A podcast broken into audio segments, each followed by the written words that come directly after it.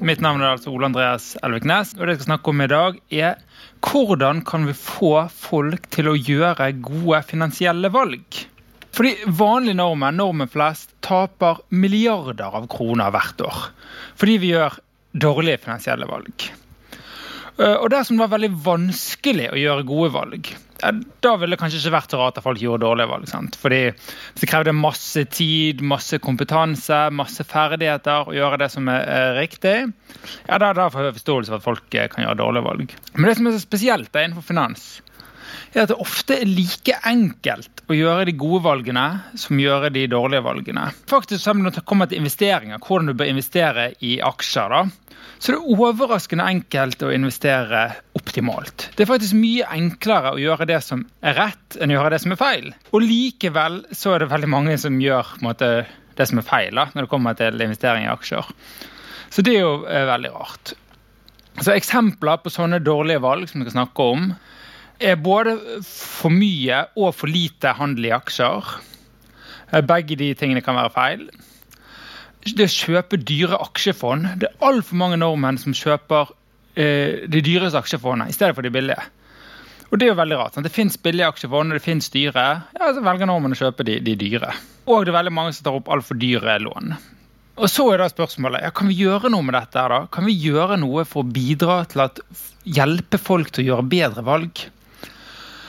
Um, og Da kommer vi inn på forskningsbiten av dette, her da, uh, som viser at det er mulig i noen typer situasjoner, men ikke i andre. Og Jeg skal gå gjennom noen eksempler på situasjoner der vi kan hjelpe, og der vi ikke kan hjelpe. Jeg skal si at I noen tilfeller så er det ikke engang så mye som skal til. Det innimellom er det faktisk ganske enkelt å hjelpe folk. Og Jeg skal vise noen eksempler fra min egen forskning som viser hvordan man kan, kan gjøre det. Men aller først da må vi bare ta et minikurs i, i finans, så alle, alle er med på hva dette handler om.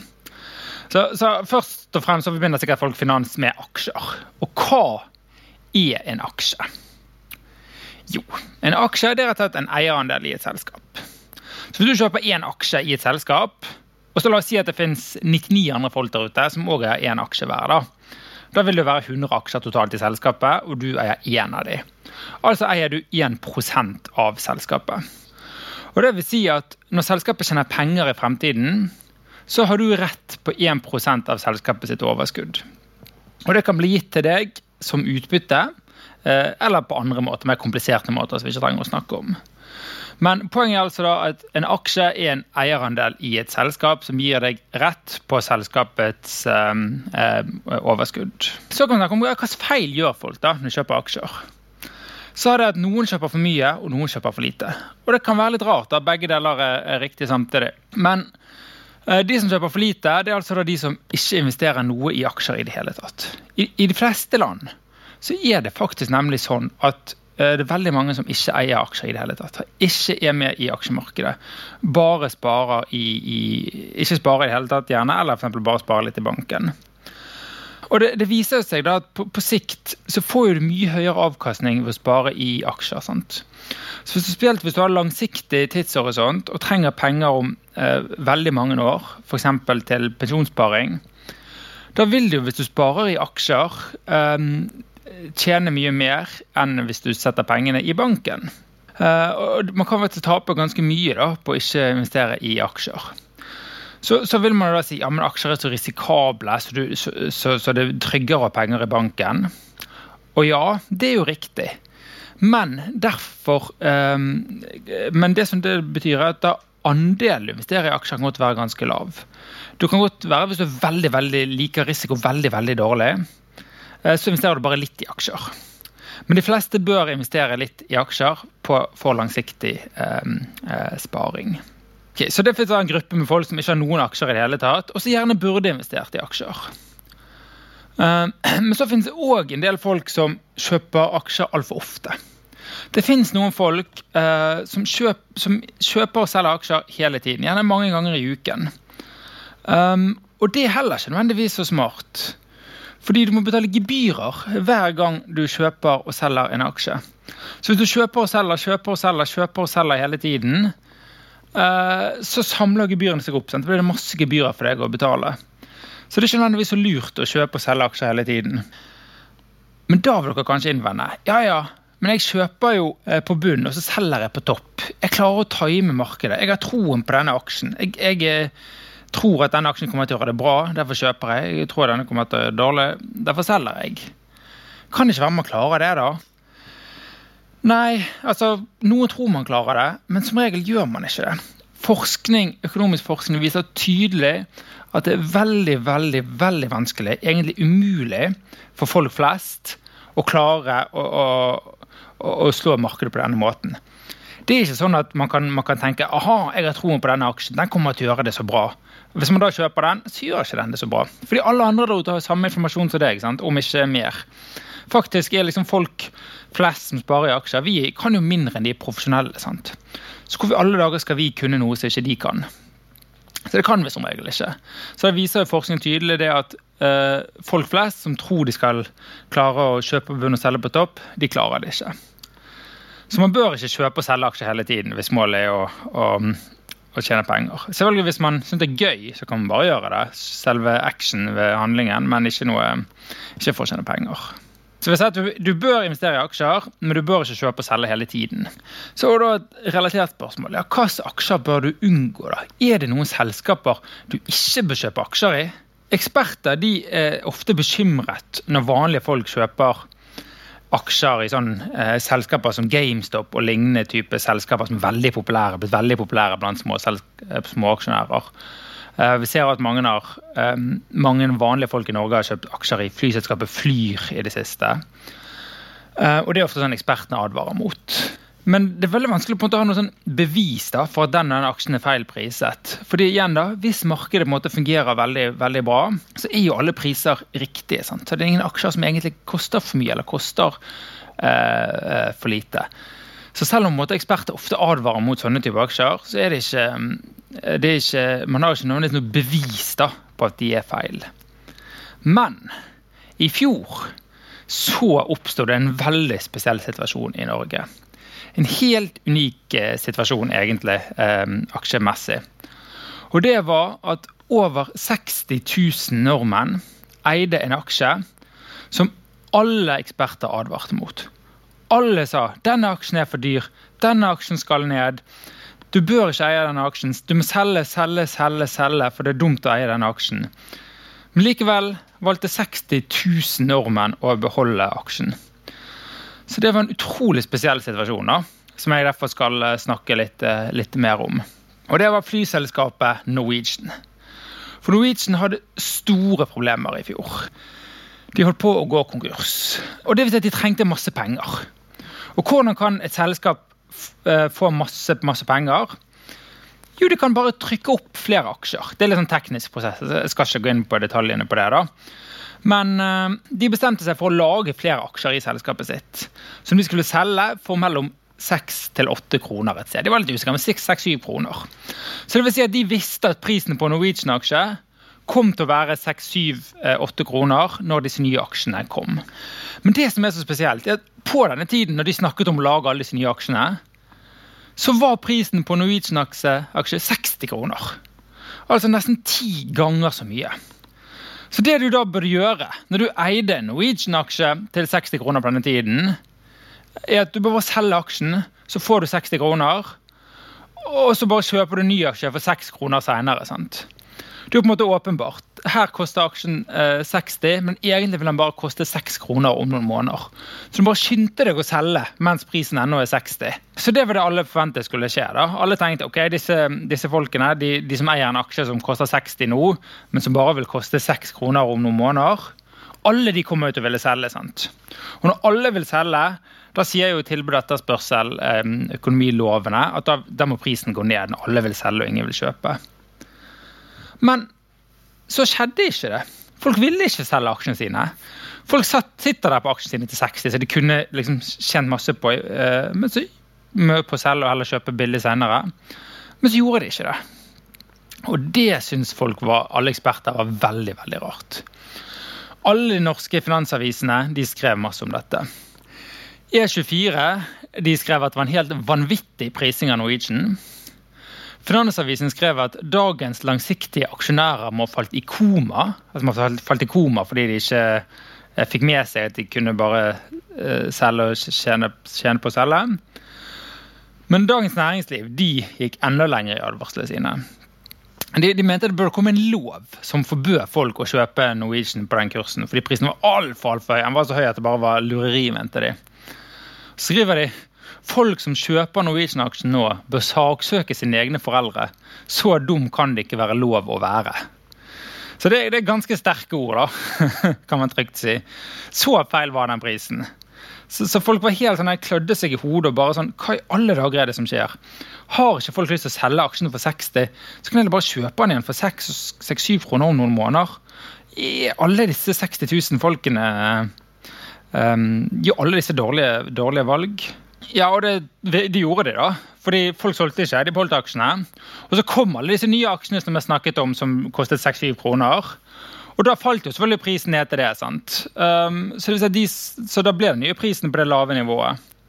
Så de som da valgte å ikke høre på avisene og heller beholde aksjene sine, de tapte nesten hele verdien fordi aksjekursen stupte. Prisen på aksjen stupte, akkurat sånn som alle ekspertene hadde, hadde forutsagt. Så det er en veldig rar situasjon. Du har 60 000 nordmenn eh, eier en aksje. Alle sier selv, selv, selv. De velger å beholde aksjen eh, likevel. Så et klassisk eksempel på et dårlig eh, finansielt eh, valg. For Det som er spesielt med denne Norwegian-aksjen er at vi visste hva prisen ville være i fremtiden. Derfor visste, siden de skulle lage alle disse nye aksjene. Derfor visste vi at prisen var feil, og det vet man vanligvis eh, ikke. Så det som måtte skille denne situasjonen fra alle de andre gangene folk sier at du bør ikke kjøpe Tesla, du bør ikke kjøpe GameStop, du bør ikke investere i krypto. Selv om alle de tingene sikkert er gode råd, så er det vanskelig å si at de objektivt gode råd at du ikke bør kjøpe de, for det er ingen som vet. sant? Man kan si at bitcoin det virker veldig dyrt. Men er ingen her som vet hva prisen på bitcoin kommer til å være til neste år. Så vi kan ikke si det med sikkerhet at det er et dårlig valg å kjøpe bitcoin, på samme måte som vi da kunne si det med, med, med Norwegian eh, i fjor. Så det er en typisk feil som folk gjør når de kjøper aksjer.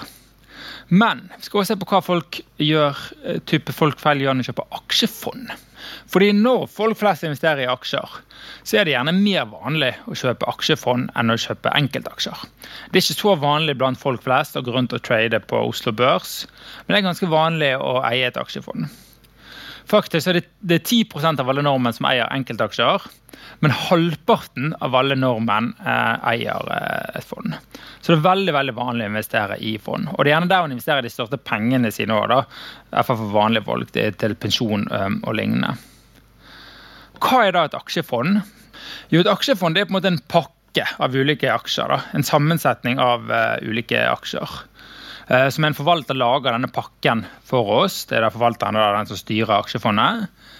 Og han, har en, han eller hun har laget en optimal pakke av ulike aksjer. Og så betaler vi et gebyr for å få lov til å måtte eie litt av denne pakken. Da. Investere litt av i, i pakken. Um, og det er generelt lurt å kjøpe sånne pakker av aksjer i stedet for å bare kjøpe i én aksje, f.eks. Og det er fordi at Hvis du sprer investeringene dine på flere aksjer, heller enn å bare investere i ett selskap, så reduserer du risikoen din.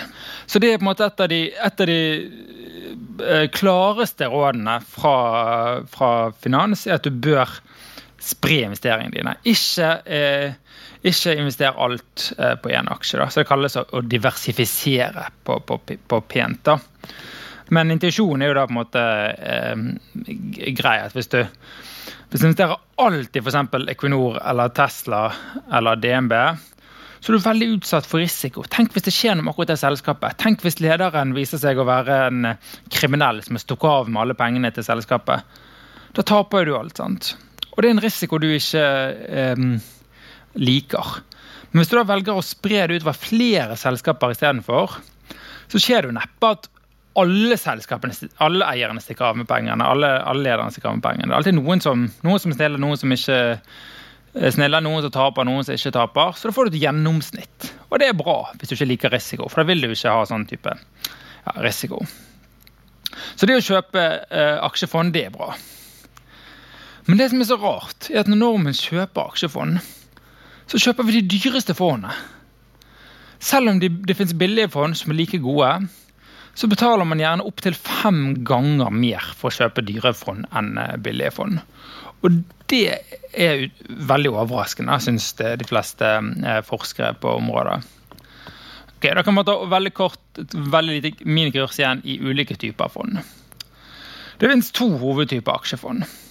Har aktive fond og indeksfond. Eh, og aktive fond de, eh, de, ansetter forvaltere for å lete etter gode aksjer. Eh, altså Selskapet de tror kommer til å gjøre det bra. Så det vil si at De da leser regnskapsrapporter, de, de tenker, de har møter. Prøver å finne ut aha, jeg tror DNB kommer til å gjøre det bra. Aha, jeg tror Telenor kommer til å gjøre det bra. Og så lager de en pakke av uh, disse selskapene som de tror er den lureste pakken. Uh, og Sånne aktive fond er dyre. Bl.a. fordi det koster veldig mye å, å ansette alle disse folkene til å gjøre disse analysene. Men så er det andre type hovedtypen, som er indeksfond. Og det har mye enklere strategi. Det eier rett og slett bare litt av alle aksjene på markedet. Det går ikke inn og prøver å si den aksjen gjør det bra, den aksjen gjør det ikke bra. Det bare, det bare gjør det veldig enkelt og greit og bare sier OK, det finnes det selskapet, det finnes det selskapet, det finnes det selskapet. Vi bare investerer litt i alle. Så investerer de proporsjonalt med hvor stor selskapene er. da. Men investerer bare litt i alle. Og det er jo veldig enkelt. Du trenger ikke ha noen folk nesten for å, for å styre det engang, fordi det følger mekanisk. Du kan bare slå opp, slå opp i en tabell og se hva som er de største selskapene på Oslo Børs, og så bare investerer du i de. Så de er mye billigere. Ja, Indeksfond er mye billigere enn aktive fond. Det er hovedforskjellen. Og det økonomisk forskning viser eh, eh, gjennom mange, mange år, er at indeksfond gjør det bedre etter kostnader. Fordi disse aktive fondene de har så høye gebyrer. Det koster så mye å få lov til å, um, å investere i de, uh, at du, du, taper penger i forhold til å investere i indeksfond. Og det har vist seg både i Norge og i andre land i, i mange tiår. Man heller bør kjøpe indeksfond, siden de da er de billige. For Det er så vanskelig å slå markedet. Så at Selv for disse proffe, selv for disse eh, aktive forvalterne, selv de sliter med å slå markedet fordi det er så vanskelig. Så Det betyr da at vi nå enkelt og greit kan oppsummere hva økonomisk og finansforskning sier om, om investering i aksjer. Du bør kjøpe eh, fond, fordi fond diversifiserer, sprer risiko i forhold til enkeltaksjer. Og det fondet bør være et eh, indeksfond, fordi indeksfond er billigere enn aktive fond. Og så kan du bare beholde pengene der til du trenger dem. Det vil si at du ikke må prøve å time markedet. For du klarer ikke å, å kjøpe deg inn på bunn og selge deg ut på topp. Selv om du tror du klarer det, så klarer man det ikke. Det, stort sett. Noen, noen, få kan klare det. Noen få kan være superflinke, men gjennomsnittet av folk klarer det ikke. Så, så, det er ingen vits i på en måte å sitte og følge med på sånn um, Lese nyheter og ting og tang for å finne ut aha, nå, nå vil jeg selge, dette er en god tid for å selge, dette er en god tid for å kjøpe. Man trenger ikke å tenke på det. Du bare Når du har penger du skal um, investere i aksjer, sett i indeksfond, og så bare glem at du har det helt til du trenger pengene, og da, da selger du for å hente ut pengene. Det er det økonomisk forskning vil si om uh, hva som er optimal um, Eh, aksjeinvestering. I Norge også ser vi akkurat dette samme, at et indeksfond gjør det veldig mye eh, bedre. Eh, Forbrukerrådet hadde en undersøkelse nå der de fant at indeksfond gir 1, ja, 1 prosentpoeng høyere avkastning årlig. Tenker man ja, 1 prosentpoeng, det høres kanskje ikke så mye ut. da. Men det de viser, er da, hvis du Eh, hvis du investerer 500 000 kroner i dag La oss si du, ja, nå har vi 500 000 kroner, det er ikke alle som har det akkurat da, men la oss si vi har det. Setter inn og sparer det i aksjer. Hvis du da setter de i et indeksfond istedenfor et aktivt fond, så vil du ha 370 000 kroner mer om 20 år. Og det setter man jo pris på, sant? å få 370 000 kroner eh, mer. Så det kan bli store forskjeller eh, over tid. Og det er da mange som eh, har snakket om. da. På lik linje med det med at jeg nevnte at den Norwegian-aksjen fikk så mye oppmerksomhet i media. Så får det en del oppmerksomhet i media òg at disse aktive fondene er altfor dyre. I hvert fall i Dagens Næringsliv. De har skrevet masse om det. Det er en hel artikkelserie for noen år siden om at folk heller bør bytte. Folk bør kjøpe indeksfond istedenfor. For de fleste nordmenn kjøper disse dyre fondene, selv om det fins billige indeksfond. Og de, Dagens Næringsliv har beregnet at norske kunder har betalt 34 milliarder kroner for mye i gebyrer. Det er mye penger. 34 milliarder kroner. Som man har kunnet spart hvis man bytter til eh, billigere eh, fond. Så, så det virkelig store summer dette handler om. Den tabben man gjør da, ved å investere i, i aktive fond. Og likevel, det er det nordmenn flest velger å gjøre. Veldig rart. Ok, Jeg skal nevne tre eksempel på dårlige finansielle valg. Og det er å ta opp dyrelån. Noen vil tenke at det generelt er sånn at det er bra å spare og dumt å låne. Det, liksom, det høres liksom bedre ut. Det er bedre å spare og dumt å låne. Men det er ikke vi økonomer eh, enig i. Både lån og sparing kan være riktig i ulike deler av livet. For det spørs på om du trenger mest penger nå eller seinere. Fordi for når man er ung og studerer, da har man lite inntekt. sant? Men man regner med at man kommer til å få inntekt seinere. Så da kan du kan velge å leve superfattig eh, som ung, med vissheten om at du kommer til å ha mye penger seinere. Men det er jo mye bedre hvis du på en eller annen måte kan flytte de pengene fra fremtiden til i dag. Sant? Fordi du trenger jo det veldig mye mer når du er ung og sulten enn når du eh, har mer penger når du blir eldre. Så det er akkurat det lån gjør. Lån er å flytte ressurser på tvers av tid. sant? Så det Hvis du tar opp et lån når du er ung, f.eks. studielån eller eh, huslån, du kan kjøpe ditt første hus, da flytter du eh, penger fra fremtiden til, til i dag. Så da kan det definitivt være riktig å ta opp eh, lån. Det er på en måte gjennom livssyklusen sånn at du tar opp lån når du er ung. Først studielån og så huslån. Så betaler du ned det.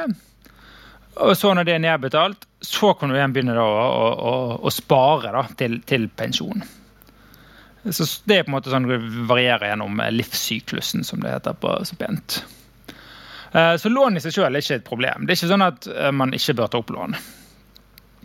Det kan til og med være rasjonelt å ta opp dyrelån hvis du virkelig ikke har noen andre muligheter. Hvis du virkelig trenger penger i morgen, og det eneste måten du kan få det på, er å ta opp dyrt lån, ja, da må du måtte, eh, gjøre det. Men det som derimot ikke er rasjonelt, og som er et dårlig finansielt valg, er å ha dyre lån samtidig som du har penger på andre kontoer som du kunne betalt lånet med. Og det er det faktisk ganske mange som har. Det er mange som har en sparekonto som de har sagt til seg sjøl at de ikke har lyst til å bruke. De har lov til å bruke den, eh, de bare har ikke lyst til å bruke det. Fordi det sparer de til pensjon. Og så når de da trenger penger, så tar de heller et eh, forbrukslån enn å ta av sparepengene. Og det vil da, for en, for en økonom da, vil det være et uh, dårlig finansielt valg. Fordi du bør heller betale ned de lånene med høyest rente. Sant? Du må kvitte deg med de. Du bør ikke ha du ha forbrukslån til 15% rente hvis du samtidig har penger stående i banken så du får 2% rente på. Um, men likevel er det veldig mange som, som, gjør, uh, som gjør akkurat dette. Ok, Så det var uh, en kort oppsummering av noen typer dårlige finansielle valg som folk tar. Men det som er egentlig var tittel for dette um, foredraget, er jo hva kan vi gjøre for at folk skal gjøre bedre valg? Hvordan kan vi hjelpe dem? Nå har vi sett ok, det fins feil, det fins tabber folk gjør. Kan vi gjøre noe, enten som forskere eller myndigheter eller andre, for at folk skal gjøre bedre valg? Uh, og det er det jeg skal snakke om resten av, uh, resten av tiden. Så vi skal gjennom tre ulike tiltak som man kan se for seg at kan føre til at folk uh, gjør bedre valg. Det første vi skal se på, er informasjonskampanjer. Hjelper det bare å gi folk informasjon? Gå til folk og si hva som er riktig og ikke riktig å gjøre. Eh, så skal vi gå gjennom et eh, konsept som heter nudging, eller dulting på norsk. Som jeg skal forklare litt nærmere hva det er eh, seinere. Og en tredje, type tiltak er på en måte mer å gå grundigere til værs og bare lære folk å bli veldig flinke. Generelt. Og få folk til å bli sånne folk som tar gode valg Møter de kurs og gir de utdanning osv. Så, videre. så jeg skal nå gjennom effekten av disse tre tingene. Så Vi begynner med informasjonskampanjer. da. Så Vi har bl.a. sett at nordmenn kjøper dyre fond og dyre aksjer som eh, Norwegian. Og Det som er spesielt i begge disse tilfellene, er at informasjon om hva som er riktig å gjøre, er jo veldig enkelt tilgjengelig. Eh, det står masse om de avisene begge deler. Så da er jo spørsmålet hvorfor følger ikke folk denne informasjonen når den er så åpent tilgjengelig? Kan det være at folk ikke får tilgang til den riktige informasjonen? Kan det være at det finnes noen der ute som har insentiv til å gi folk en annen informasjon som gjør at de tar dårligere valg? Og Da kan jo et typisk eksempel være banker. sant? Fordi I Norge kjøper man jo fond gjennom banken sin, de fleste. Og hva tror dere bankene kjenner mest på? At folk har de billige fondene eller de dyre? Åpenbart de dyre. sant? Så, så DNB og Nordea og resten av gjengen de vil jo at dere skal kjøpe de dyre aktive fondene. For det dere betaler gebyrer, går jo rett til de. Så hvis man hører på banken istedenfor å høre på forskere, um, så ender man gjerne opp med å uh, ta de dyreste um, fondene. Og I så fall kan informasjonskampanjer hjelpe. For da kan jo det gi folk informasjon uh, om hva som er gode uh, valg. Så, så, hva skjer da, hvis du rett og slett bare forteller folk ok, indeksfond er bedre enn aktive fond, og det fins noen aksjer du ikke bør kjøpe? Vil det ha noen påvirkning på hva de faktisk gjør? For i så fall vil jo sånne um, informasjonskampanjer um, ha, ha, en god effekt sant, på å få folk til å gjøre bedre uh, finansielle valg. Og Det er faktisk akkurat det spørsmålet jeg uh, har forsket på sjøl. Uh, sammen med Inger Haaland, som er en kollega ved NHH, så har vi forsket på dette spørsmålet. Um, og Det vi gjør da, er å gjennomføre et uh, såkalt randomisert eksperiment blant fondskunder i Norge først. da. Og Randomisert eksperiment la oss si at vi, eh, vi, vi, ser på alle disse fondskundene, eh, disse folk som har fond. Så trekker vi ut halvparten av dem, en tilfeldig halvparten av dem, og så sier vi til den tilfeldige halvparten uh, vet dere hva? Uh, Forbrukerrådet har faktisk funnet ut at indeksfond gjør det bedre enn aktive fond i Norge. Og Det er det bare halvparten som får vite. sant? Men det som er det essensielle er at det er tilfeldig hvem som får vite det og ikke. Så det vil si at I snitt kommer det ikke til å være noen forskjeller på de to, to gruppene. Sant? Fordi det er tilfeldig hvem, hvem, som, hvem som får vite dette, og hvem som ikke får vite dette. Så hvis vi da ser noen forskjeller seinere mellom disse gruppene, mellom de som ikke fikk eh, informasjon, og de som fikk informasjon, da er jo det trolig effekten av informasjon. sant? Hvis, hvis, utvalget er lite nok, kan det være tilfeldigheter, og sånt, men hvis utvalget er stort nok, så, så vil jo den, eh, vil det store forskjellen mellom de skyldes det. Så det vi da gjør, er å først gi halvparten av disse eh, informasjonen. Og så ser vi etterpå hvordan de investerer i fond, de som fikk informasjonen, versus de som ikke, fikk, eh, sorry, ikke fikk informasjonen. For det vi vil da finne ut av, er om det å få vite at indeksfond gjør det bedre, om det påvirker folk sine investeringer eller eh, ikke. Og vi finner at det faktisk har en stor effekt. De som vi forteller ok, indeksfond gjør det bedre enn aktive fond, de øker sin andel investert i indeksfond med 30 um, De har fortsatt en del aktive fond, vi, vi, vi, vi omvender det ikke totalt. Men, men, de øker andelen eh, med ganske mye. da. Så, så det, det, holder rett og slett bare å få vite at indeksfond gjør det bedre. Uh, så velger man sjøl å investere mer i indeksfond. Um, og I tillegg til uh, at du investerer mer i indeksfond, så påvirker det òg andre ting. Det gjør sånn at du blir mindre sikker på at du sjøl vil slå markedet. Uh, fordi da, Du får jo vite at oi, selv disse proffene, de aktive fondsforvalterne, selv de sliter med å, med å, slå Selv de klarer ikke å slå indeks. Da vil ikke jeg klare det. Uh, så vil ikke jeg klare å gjøre noe bra. Da vil ikke jeg klare å finne de beste aktive fondene. Så folk får et litt dårligere selvtillit på sine egne investeringsferdigheter av å vite dette. Og det er jo på en måte bra, da, fordi det er mange som tror de klarer å slå markedet og tror de er veldig flinke, men som sagt, forskningen viser at folk flest klarer ikke det. Så det er ganske klare, ganske klare resultater. Eh, så det vi da konkluderer med fra den undersøkelsen, er at ja, informasjon kan faktisk være nok til at folk eh, gjør bedre kjøp av eh, aksjefond. Og det igjen kan du spare de for masse penger. sant? For Husk at norske fond skulle ha betalt 34 milliarder for mye gebyrer.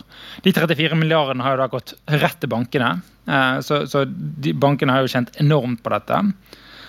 Eh, men da, hvis, hvis den informasjonen kommer ut til folk, hvis folk får vite at indeksen har gjort det bedre, så vil de òg gjøre bedre valg. Og da vil folk spare de pengene. Så istedenfor at de 34 milliardene går til de eh, største og rikeste bankene, så vil de gå til, til, til vanlige folk. Eh, så, så, vi mener at konklusjonen fra dette bør være at det bør være enda mer fokus på å få sånn informasjon ut til folket. Og la folk skjønne det, eh, hvordan det henger sammen. Så så vi òg på, på, på, på, dette med Norwegian-aksjen. Um, den, den, spesielle situasjonen aksjen kostet 60, men den egentlige verdien var, var 6, 7, 8. Um, og da, da når, når, vi leste om dette, når vi leste alle disse overskriftene i fjor om at folk uh, måtte være, være superdumme hvis de eide aksjene osv., så, videre, så ble jeg veldig nysgjerrig på hva tenker folk egentlig, de som eier disse aksjene. Hva tenker de på? Hvorfor eier de aksjene? Så Derfor så gjennomfører vi enda en undersøkelse der vi inviterer folk som eier denne aksjen, til å bli med i undersøkelsen vår. For å høre litt, for å snakke med dem, spørre dem hvorfor eier du denne aksjen når alle vet at aksjen kommer til å falle i verdi med 80% de neste månedene. Det er var liksom vårt utgangspunkt. da. Og igjen, Handler dette om at de bare ikke har den informasjonen? Kan det være at de som eide Norwegian-aksjen, at de ikke leste Dagens Næringsliv, de leste ikke E24 eller Finansavisen, kanskje de ikke visste at prisen skulle ned? Det er jo en mulighet. Men en annen mulighet er at de ikke stoler på avisen, at de ikke stoler på ekspertene. Det var mange muligheter der. Eh, så vi, Derfor tok vi rett og slett og inviterte de, mange av de til en undersøkelse. Eh, og igjen gjennomførte vi et såkalt eh, randomisert eksperiment ved å gi halvparten informasjon. Og Denne gangen så fikk halvparten den informasjonen i form av en video fra en finansekspert som sa prisen er for høy. Han sa basically det samme som eh, det som sto i de overskriftene som viser dere i sted. Altså, Det kommer masse nye aksjer, derfor er prisen for høy nå. Dere må bare selge, selge, selge. selge, selge. Så, så, det sa han i en video. da. Og Den fikk halvparten av disse som eier aksjer i Norwegian, halvparten fikk se den videoen, mens den andre halvparten ikke fikk se den videoen. Um, så da kan vi se hva som skjer etterpå. Jo, rett etter å ha sett videoen så velger 21% av de som um, eide Norwegian-aksjen, å selge. Altså ca. en femtedel. Um, mens ingen av de som ikke fikk videoen, um, solgte. Fordi folk, I løpet av én dag selger ikke folk aksjene sine, så det er ikke så rart. Så det at effekten av, å, effekten av å vite dette, den um, informasjonen som sto i media, er ca. 20% 20% valgte å høre på den informasjonen. Så det kan vi anta da, det, de 20 det er da de som ikke hadde eh, lest dette på forhånd. Da. De visste ikke dette. De visste ikke at aksjene var så, så overpriset. Bare, Oi, nå får vi vite det, da må vi selge. Um, så igjen ser vi at enkel informasjon kan ha stor påvirkning eh, på hva folk gjør. Altså i hvert fall for 20 da. Um, Um, og igjen, Dette er jo veldig enkel informasjon. sant? Um, vi ser òg faktisk at tross alt fire av fem valgte å ikke uh, selge aksjene sine. Så her i dette tilfellet var det bare, er det bare 20% av folk sine dårlige valg som vi kan forklare. Så om det er et bra resultat eller et dårlig resultat, det, det, det, det, vet jeg ikke helt. Men i hvert fall deler av folk sine dårlige finansielle valg skyldes rett og slett at de bare ikke har informasjonen. Um, og det er da mm, ting vi kan gjøre noe med sant, som forskere. Vi kan gi den informasjonen. Så, så spør vi disse aksjonærene hva de, hva de tror vil skje med aksjene fremover. Og det er nesten ingen som tror at den kommer til å falle så mye. Så det er nesten ingen som på forhånd tror at, uh, at det som står i alle finansaviser, er, er, riktig. Så det er åpenbart at disse på en måte ikke hører på, på, på rådene på, på, forhånd. da. Men så valgte da 21% å høre på, høre på denne informasjonen. Ok, så For å oppsummere våre funn, så er det at manglende informasjon er en viktig grunn til at folk gjør sånne dårlige finansielle valg. da. Og det er jo egentlig veldig bra. Eller det, det er bra fra et samfunnsperspektiv at informasjon eh, kan løse problemet på sånne ting. For informasjon er jo på en måte veldig enkelt og billig å gi folk. sant? Det er jo noe du kan tenke på en måte for, for staten og myndighetene og andre som har lyst til at folk skal gjøre bedre valg. De kan enkelt og greit bare bruke sånne informasjonskampanjer som gjør folk faktisk eh, bedre valg. Billige, enkle eh, informasjonskampanjer. Så lenge det er folk stoler på kilden som gir informasjonen, så vil det funke til å gi, gjøre bedre valg. Men merk på en måte hvor målrettet disse er. Dette er bare veldig enkle eh, fakta- og informasjonskampanjer. Sånn, 'Denne aksjen er for dyr. Kjøp de forhåndene'. Dette er ikke noe sånn kurs i finans. Vi lærer ikke folk til å bli reflekterte, flinke folk som gjør uavhengige vurderinger og kritisk blikk. Nei, nei, nei. Vi gir dem bare enkel eh, informasjon som kan endre oppførsel eh, der og da. Men det har iallfall en god, god effekt. Så skal vi over til disse, disse andre tingene jeg nevnte. Først nudging, og så eh, mer kurs i finans. Um, og nudging, eller dulting på norsk, um, det går bl.a. ut på at du, hvordan kan du få folk til å endre atferd, gjøre ting så bedre, uten at du på en måte endrer deres valgmuligheter. Du endrer bare det som på fint kalles sånn valgarkitektur. Du bare endrer litt på uh, settingen, sånn at folk skal gjøre bedre, uh, bedre valg. da. Um, og, og, det som han nobelprisvinner Richard Taylor kom på, som var en genial idé, uh, var at um, han ville jo få folk til å spare mer til pensjon. For vi nevnte det at uh, tidligere er mange i mange land som sparer altfor lite til pensjon. Sant? Og burde spart i aksjer til, til pensjon. Spørsmålet hva kan vi gjøre for at folk skal gjøre det? Um, og USA på den tiden var det sånn at folk uh, måtte velge sjøl. De måtte si, si til uh, arbeidsgiver trekk litt av lønnen min til pensjonssparing. Men så sier han hva hvis arbeidsgiver i stedet bare uh, har sånn, sånn standardsvar at de trekker til pensjon? Og så må du heller si til arbeidsgiver sjøl hei, hei, ikke spar noen av pengene mine til pensjon. Jeg vil ha alt utbetalt. Altså endre det som det på engelsk kalles eh, default option. Endre det som skjer hvis ikke du på en måte gjør noen aktive valg. Kan det ha noe å si? Det er et typisk eksempel på dette dulting. da. Og det har nå blitt gjennomført i USA etter inspirasjon fra han Taylor sin uh, uh, idé. Og det har hatt en ekstrem effekt. Det har økt andelen som sparer til person fra 42% til 91 så ganske, ganske ekstremt. Så altså, jeg sier at På forhånd, når du måtte gjøre et aktivt valg om å spare, når du fikk ut alle pengene på, til kontoen din, og så måtte du sjøl deretter si for eksempel, nå har jeg lyst til å spare, da var det mange som ikke sparte. Men når liksom standarden er at uh, arbeidsgiver bare trekker pengene, uh, sparer for deg før de betaler ut, da vil veldig mange uh, spare. Så det er et ganske kraftig eksempel på hvordan sånn dulting kan, kan fungere. da. Um, folk skal gjøre bedre valg. Så det tredje tingen rett og slett kan vi lære folk å bli flinkere. For det er på en måte egentlig bedre. Fordi Informasjonskampanjer det funker bra der og da, men det funker som sagt bare veldig på sånn enkle, kortsiktige, eh, kognitivt enkle ting som gjør det. Ikke kjøp den aksjen, kjøp det fondet. Um, og, og, dulting eller nudging det funker jo bra men det er jo, ikke, det er jo grenser for hvor mye vi kan hjelpe folk bare ved å endre, endre sånne ting. Sant? For det er jo eh, mye som du ikke kan gjøre det med. Så det beste er jo selvfølgelig hvis man bare klarer å få folk til å bli flinkere. Eh, gi folk bedre finansiell utdanning, gjerne gjennom skolen, gjennom andre steder. Bare gjøre sånn at folk utvikler disse egenskapene til å kunne ta gode valg sjøl og forstå gode ting sjøl, i stedet for å Uh, I at uh, forskere eller myndigheter eller noen skal presse det på dem. Da, på en måte. Så det, det, er veldig mange artikler som prøver å undersøke det. Kan vi gjøre noe for at folk skal bli flinkere? Um, og det er noen som har funnet en effekt. Noen som har uh, gitt noen elever et kurs i personlig økonomi og sparing. Og finner at ja, de er litt, uh, de er litt flinkere i finans senere. De kan litt mer. Men generelt er ikke resultatene så gode her. Det er noen som har gjort en metaanalyse. Dvs. Si at de Uh, I stedet for å gjøre én enkelt analyse, én enkelt studie, så går de og slår opp i alle mulige uh, journaler, vitenskapelige journaler og finner ut hva alle andre har gjort tidligere. Så slår de sammen alt det. sant? Så noen som går gjennom 200 studier av om vi kan lære folk å bli gode i finans. Og de finner at effekten er ganske liten. Generelt er det veldig vanskelig å gjøre sånn at folk blir flinke og tar gode valg.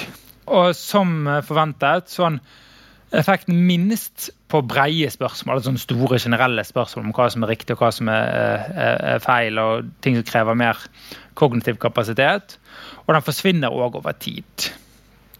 Uh, så disse forskerne konkluderer med at um, effekt, hvis du skal lære folk å bli bedre, da er, det, da er effekten størst for tiltak som retter opp spesifikke feil rett før valgene skal gjøres.